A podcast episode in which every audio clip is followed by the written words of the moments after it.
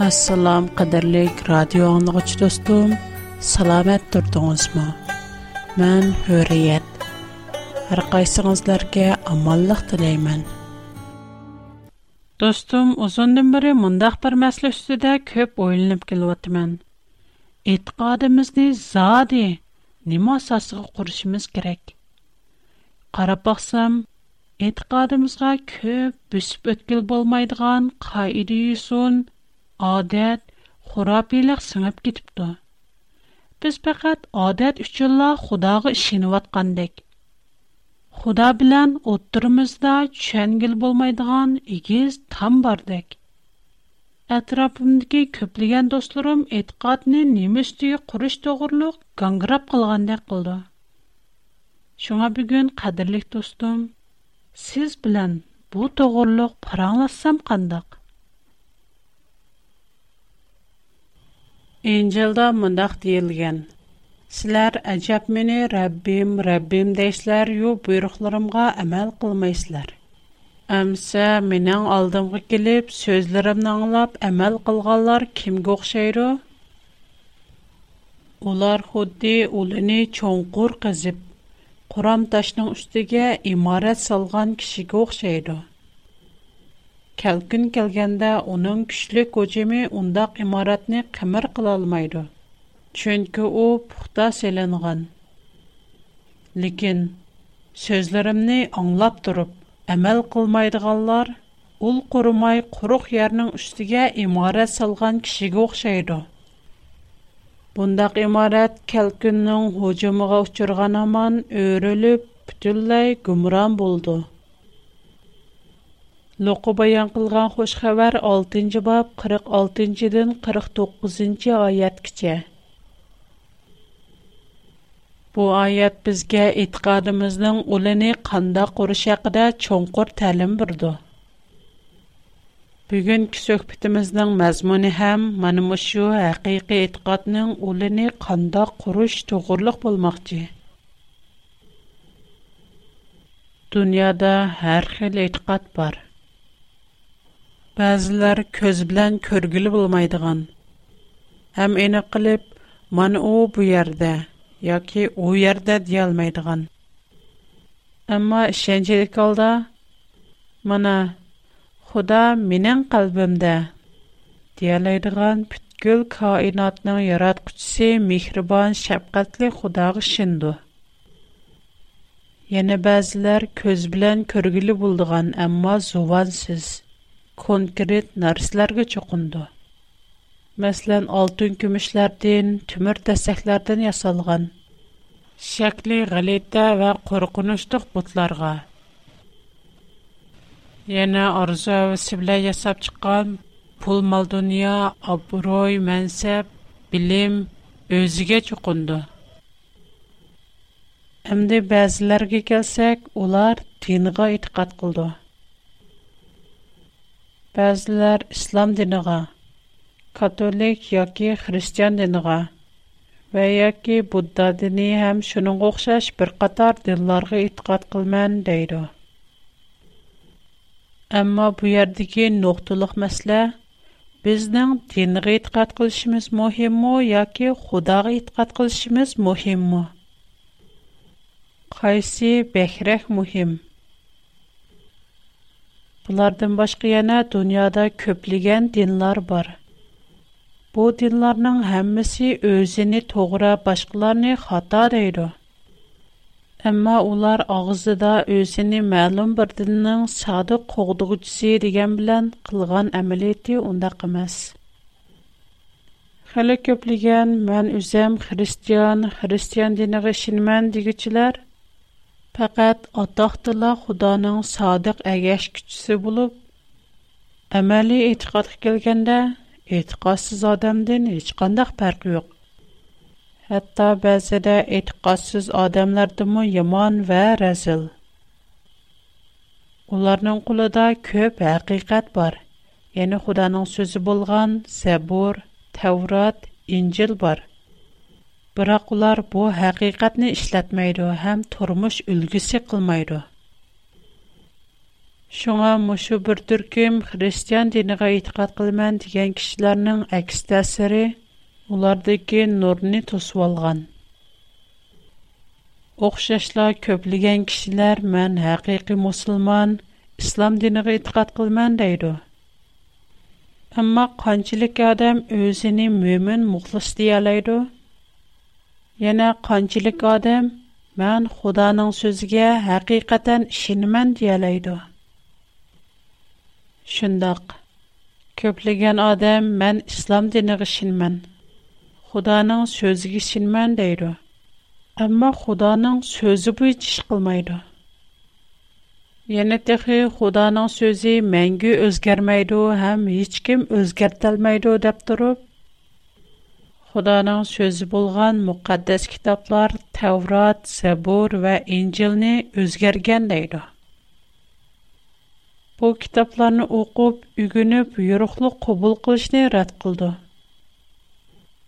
Qur'onning ko'pligan yerlarda Xudoning so'zi o'zgarmaydi. Hech kim Xudoning so'zini o'zgartirmaydi deb takror aytilgan bo'lsa-mu, ammo ko'pligan kishilar Yana Allah'nın sözi bolğan müqaddəs kitablar özgərdiräydı. Bu xuddi Allah'nın sözi rəsul dep turıp, yana Allah'nın sözi yalğan diyänä öhşäş. Eger köpligen kişlärning Qur'an özgärmegen, onunndan başqa müqaddəs kitablar ya'ni Tevrat, Zebur ve İncil özgergen diyen sözünü yekülüsek, Xudanın sözü hem ras hem yalgan, na doğru. Xuda özü bolsa yalgancı diyen məna kep çıkıdı. Qadirlik dostlarım, bunun özü Xudağı qılınğan çoğ töhmət emasmı? بۇنداق مەنتىقىغا ئۇيغۇن كەلمەيدىغان سۆزلەرگە قۇرئان كەرىم ئالتىنچى سۈرە ئەنئام بىر يۈز ئون بەشىنچى ئايەتنىڭ ئۆزى مۇنداق رەدىيە بېرىدۇ پەرۋەردىگارىڭنىڭ سۆزى ناھايىتى راستتۇر ناھايىتى توغرىدۇر ئۇنىڭ سۆزىنى ئۆزگەرتەلەيدىغان ھېچ كىشى يوقتۇر kishilarning xudoning so'zi o'zgardi deyishi tasodifiy emas muqaddas kitob tavrat zabur injillarni bo'lsa aslo ko'rib boqmagan ularning muqaddas kitob o'zgardi degan so'zining asosi faqat o'rib odat va boshqalardan anglagan so'z hali bir qism kishilar o'zlari qo'l селеп, Китаптин астай дил іздініп көрмейлі башқыларын сөзліні қарғула ача кубыл қылу алды. Хэмді башқыларға шу бийча талим бұрды. Мандықчетканда оларға кишіларын көз қарши, қари, молыларын талими өзгеріме сяқи Мошындақ кишиларның пікірі тәлімігі әгішіп, құданың сөзіні бір жәткі қайрып қойғашқа бүгінкедек бір тірәпліме қараш пайда болған. Әмілетті, ғазырқы жәмейтімізді өріп адетнің өзі бір қыл итіқатқа үлініп қалды. Нұрғылған кишилар әқиқатны бір жәткі чөріп қойып, өріп адетні иманының ұлы қылбалған. köpligen kişiler örüp adetke itikat kıldı. Onların nəzəri də örüp adət Xudanın sözüdən mü mühimrək.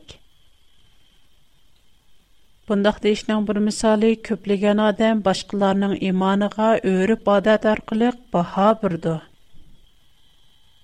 Навада бер адам итайын пасахатлык тил белән башкаларга тәлим берсәк, кешеләр катты каяҗанланып, аның сөзен хошанлык белән кубул кылды. Һәм бу адам булса, кешеләрнең нәзәрдә итайын билимлек, укымышлык адам исәпләнде. Курбан әйтте, курбанлык кылышмы охшашла бер хил өрип адат. Курбан әйтте, һәм адам дигедә курбанлык кылды бірақ оның мәністі білдіғалар ентайын аз. Яман болды. Бұмы бір қыл өріп адет. Кішілер әр дайым дегедек, бұнда қылс яман болды, бунда қылс яман болды деп, өзіне әм өзгінені қорқытуды. Бәзі яман болдыдың сәвәбі дозақ. Қоғын тауыз, мейвичивлерінің шапығы постыны ергі ташласа дозақ керерміш. Қоғын терған вә қоғын егенлер жәннәтке кірдікен. Үч қыз тұққаларымы жәннәтке керерміш дегендек. Yana ota bovisining diniga e'tiqodiga gishish bir xil o'rif odat. Jamiyatimizda ko'plagan odam o'zini musulmon deydi. Амма мусульманның немелекен белмейрө. Сөрәштергә килсәк, уларның муslüman булышының сәбебе уларның атта булышыдан. Атта булышы муslüman булгачка бу тач уларның бешигә килеп калган. Мөшендәк адамларга аштой дил алда муslüman дигәннеме, сез мусульманга канда карасыз дип суал куелса Bəziləri mənim ata-anam müsəlman, şuna mənmə müsəlman. Bəziləri bolsa Xudanın bir ikənligini etiraf qılğanlığım, həm Qur'anğa işənganligim üçün müsəlman deydi. Biroq müqaddas kitob Инжил Yaqub yazan xat 2-ci bab 19-oyatda bunağa qarta mundaq javob berilgan. Sen Xudanın faqat bir ikənligiga ilishinman desenle kupay qılamdı. Xudanın bir ikkelikigə hətta cinlar mı şindi? Həm onunu qorxub dir-dir titrəydi. Ey nadan, əməliyyəti yox etiqatının əhmiyyətsiz ikkelikini Şundaq, Xudanın sözünü həqiqi bilib һәм оныңға әмәл қылмай тұрып, өзіні мұсылман девіліш оқшашла бір хил қайры үйсін.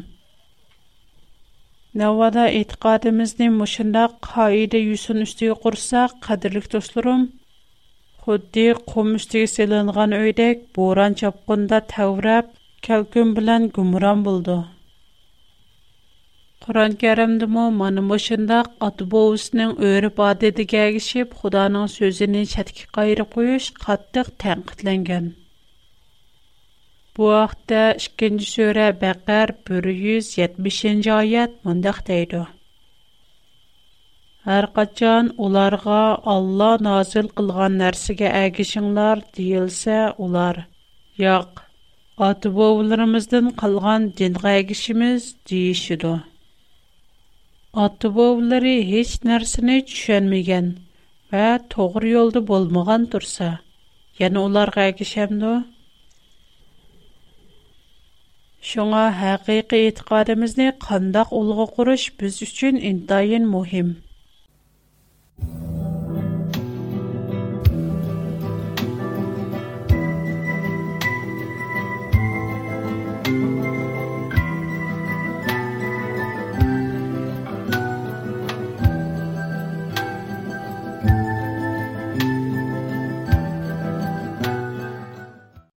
İbrahim peyğəmbər vaxtında putqucu qunuş həmə yerda əvəz bir xil ürüb-adət idi. Novada etiqadçıların atışı deyə adlanan İbrahim peyğəmbər atıbovusunun dininə gəçkən. Yəni putlara çuqunğan bolsa o nicatlıq tapalarmıdı? Atıbovularımıza qarap baxaylı. Burun biznin atıbovularımız mı? ئوت كۆن قاتارلىق ھەر خىل تەبىئەت ھادىسىلىرىگە شاماندىنى بۇددا دىنلىرىغا ئېتىقاد قىلغان Әгәр әйни чагда улармы итикадының асасыны өрүп адәткә курган булса, бүгенге көндә улар техичә кирәксез бутларга чукынып йөргән булатты. Әмма иченишлек шуки, бүгенге дәвримездә нургылган кешеләр үзләре сезмәгән алда Өз арзу әвісі, ғайшының кәйіне керіп, көзгі көрінмейдіған еңіден еңі бұтларыны қаттырмақта. Вә оларға баш егіп чоқынмақта. Герче кишилер бу яңы бутларны агызы да итрап кылмысы му, амма көңілідін шуныңа чоқынды. Мәслән, пол мал дуния – Хәл бер кысым кишләр өчен бу дөньяда көп пул мал дөньяга эрешеш уларның гаисе. Бу дөньяда әшәмәтлек яшаш, байлык эрешеш уларның барлыгыга айланган. Улар пул тепеш гуна эмес, баяшат яшаш хата эмес. Без һәм пул тапмыз, һәм Худага итикат кылмыз дейләр. pul tepishqa sərf qılğan zehnimiz, vaxtımız bilan Xudani yad etishkə sərf qılğan vaxtımızı seliştirib görsək, intayin çoğ fərq var. Növbədə şundaq bir sınaqlar gəlib, yoki pul milimizdən keçiş, yoki Xudoga etiqad qilish. İkkisidən birini tanlashqa to'g'ri kelsa, biz mol dunyorimizdan, pulimizdan voz kecha olamizmi?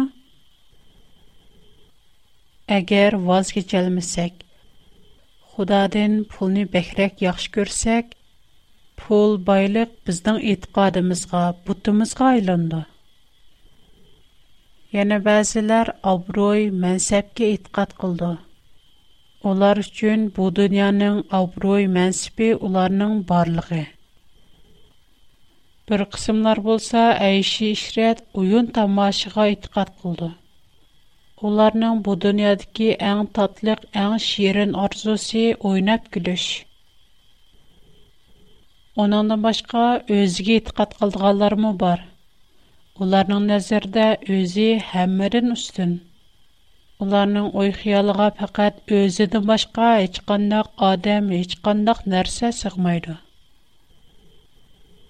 Яна хисмәткә өзенең мәнфәатыга иттикат кылдыганлар бар? Gerçi ular Xudağa şinimiz, onun sözüge boysunimiz desimo birer qiyinchilikqa düş kelgan aman kaynige çekindi. Umuman qilib aytganda, ularning e'tiqodi Moshu dunyoning turmush halakchiligi ustiga qurilgan. Bir qatim magazin arlavat qilimda bir necha do'konda egiz takchiga qo'yilgan boyliq ilohini ko'rgan edim. Керче бу بوتкыч укындыганларның ише булсымы, әмма бүгенге көндә нургынлыгын кишләр гоя шу бутка охшаш яңадан яңай бутларны ясава торы. Хода мөхәддەس китап Инҗил Матта баян кылган яхшы 6нҗи боб 19нҗидән 21нҗи аят кичә мондак дигән. Яр йөзидә үзәңнәргә гәзине төрлемеңләр Çünki bu yerdə onlarını küyüyəb gedidu və datlışıb tügəydu. Üyonlarga oğur girib, oğurlapmı gedidu. Özünlərgə ərişdə xəzinə toplanlar. O yerdə küyə yeməydu, datlaşmaydı, oğurma almaydı. Xəzinənlər qayardı bolsa, qalbınlarmı şu yerdə buldu.'' Шуңа бу аятның мәнисе интайын энек. Этқарыңызны Худаның өзгәрмәс әқиқеті үстіге құрын. Хазиныңызны болса әрішкі топлан. Мән һәм мал дуниян яхшы көрмән, һәм Худағы хызмет қылмән дейді ғаллары келсек, Инжил лұқы баян қылған хош 16-й бап 13-й аяттен мұндақ жауап тапалаймыз. ikki xo'jayinga xizmat qilolaydigan hech qandaq chakar yo'q u yoki buni yomon ko'rib uni yaxshi ko'radi yoki buningga e'tibor berib uningga sal qaraydi shuningga o'xshash sizlar bir vaqtda ham xudoning va boylikning quli bo'lishinglar mumkin emas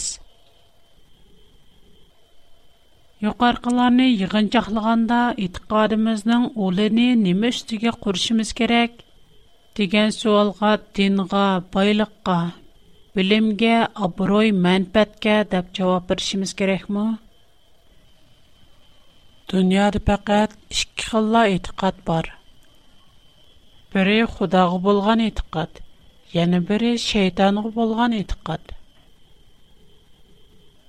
Навары біз етқарымыздың асасыны Худаның сөзіге құрымған болсақ, ондақта етқарымызны шейтанның елесіге құрған білміз. Худаның қияметкі суалы сіз қайсы дінгі етқат қылдыңыз мұ, әмәс?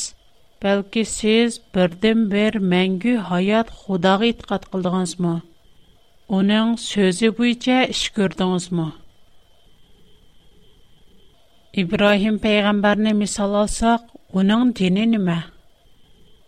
Куран Кәрим 4-нче сүре Ниса 125-нче аят. Яхшы әмәлләрне кылган алда өзине Аллаһка тапшырган батыл диллардан буралган алда Ибраһимның динегә агешкән кишедән яхшырак адам бармы?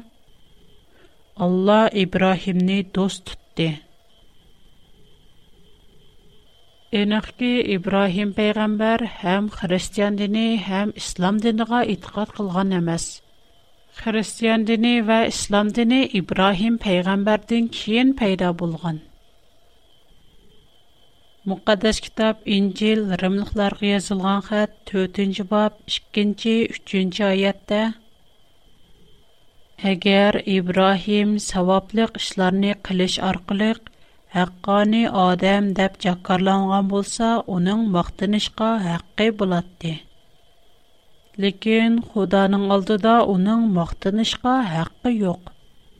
Chunki muqaddas kitapta mundaq tilgen. Ibrohim Xudaning sözlärgə ishandi. Xuda uning itiqorini görib uni haqqani adam dep hisobledi. دېيىلگىنىدەك ئىبراھىم ئېتىقادىنى خۇدانىڭ سۆزى ئۈستىگە قۇرغان خۇدانىڭ نەزىرىدە دىن ئۆرپ ئادەت pul mol dunyo emas balki haqiqiy e'tiqod intayin muhim ham uning qadrlaydigani chin e'tiqod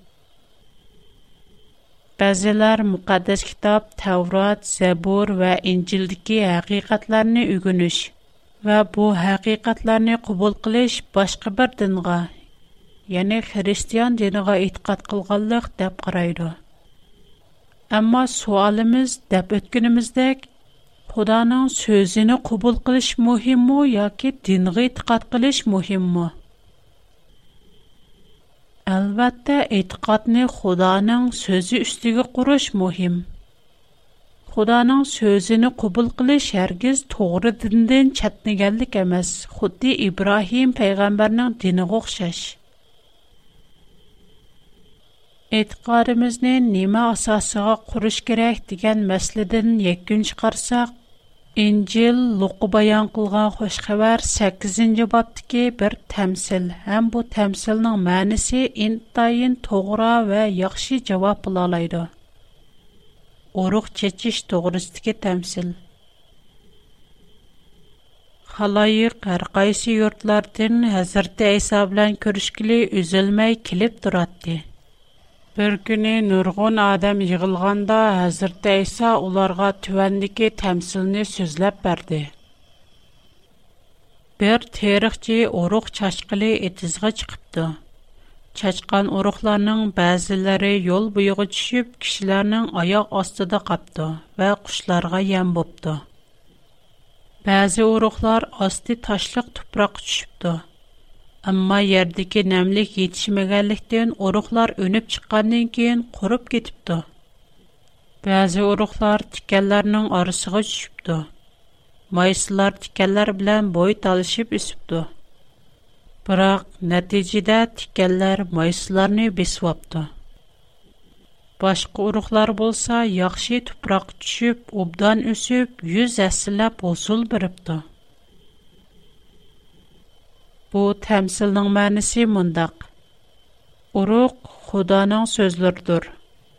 yo'l bo'yidagi tuproq mundoq bir xil kishilarga tavsil qilinganki ular xudoning so'zini anglasimu uni qabul qilmaydi shayton ularni e'tiqod orqali qutqizilmasin deb ulardan xudoning so'zlarini elib qochib ketadi tashliq tuproq Xudoning so'zlarini anlayan aman xoşallıq bilan qabul qilganlarga təmsil qilingan. Олар бұныңға бір мәл ішәнген болды. Амма итқат оларның қалбіда чонқор елді тартмағалықтен бірәр мүшкілікке елоқсыла бәрдашлық бір әлмейді.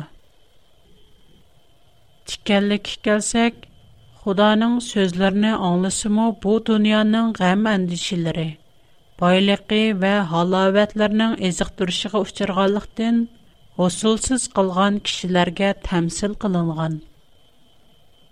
Яхши тупрак булса, Худоның сүзләрен аңлайдыган, уни пак ва чин дилдә чин тутылган, усул бергечә сәвр кылдыган кишләрдер. Менә бу бүгенге сөхбәт темамызның якуны. Кадерле достым, сезнең әң шерин, әң татлы хыялыгыз нимә? Әгәр сезнең әң ширин, әң татлык хис туйгыңыз, хыялыңыз мәгълүм берәр нәрсә, пул, мал дөнья, абруй, шан шөһрәт, өзіңіз, билим, маариф вә башкалар булса, әмәлият бу дәл сезнең итгадыңыз. Мен сезнең, минең һәм башка һәрбер кешенең әң ширин, әң татлык хыялымызның Xudoning muqaddas so'zlari ustida bo'lishini umid qilaman.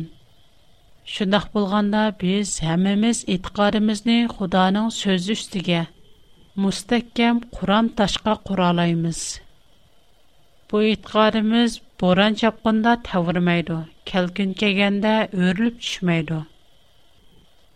Agar siz e'tiqodingizni Xudoning so'zlari ustiga qurishni, Xudoning muqaddas so'zlarini o'rganishni qabul qilishni tanlagan bo'lsangiz qadrli do'stlarim atrofing'izdagi kishilarning so'z chechaklaridan qo'rqmang ham ma'lum bir diniy kategoriyaga bog'lanibmi yurmang chunki xudo haqiqatga intildigan o'zini bilishni xohlaydiganlarga o'z yo'lini ko'rsatdi va muqaddas so'zlarni ularning qalbiga to'shqizdi Әмма мустәхкәм итиқад құрышның алдыңғы шарты янала Худаның бізге білдірген eniq haqiqatini, eniq сөзләрне үгүнүш, билиш.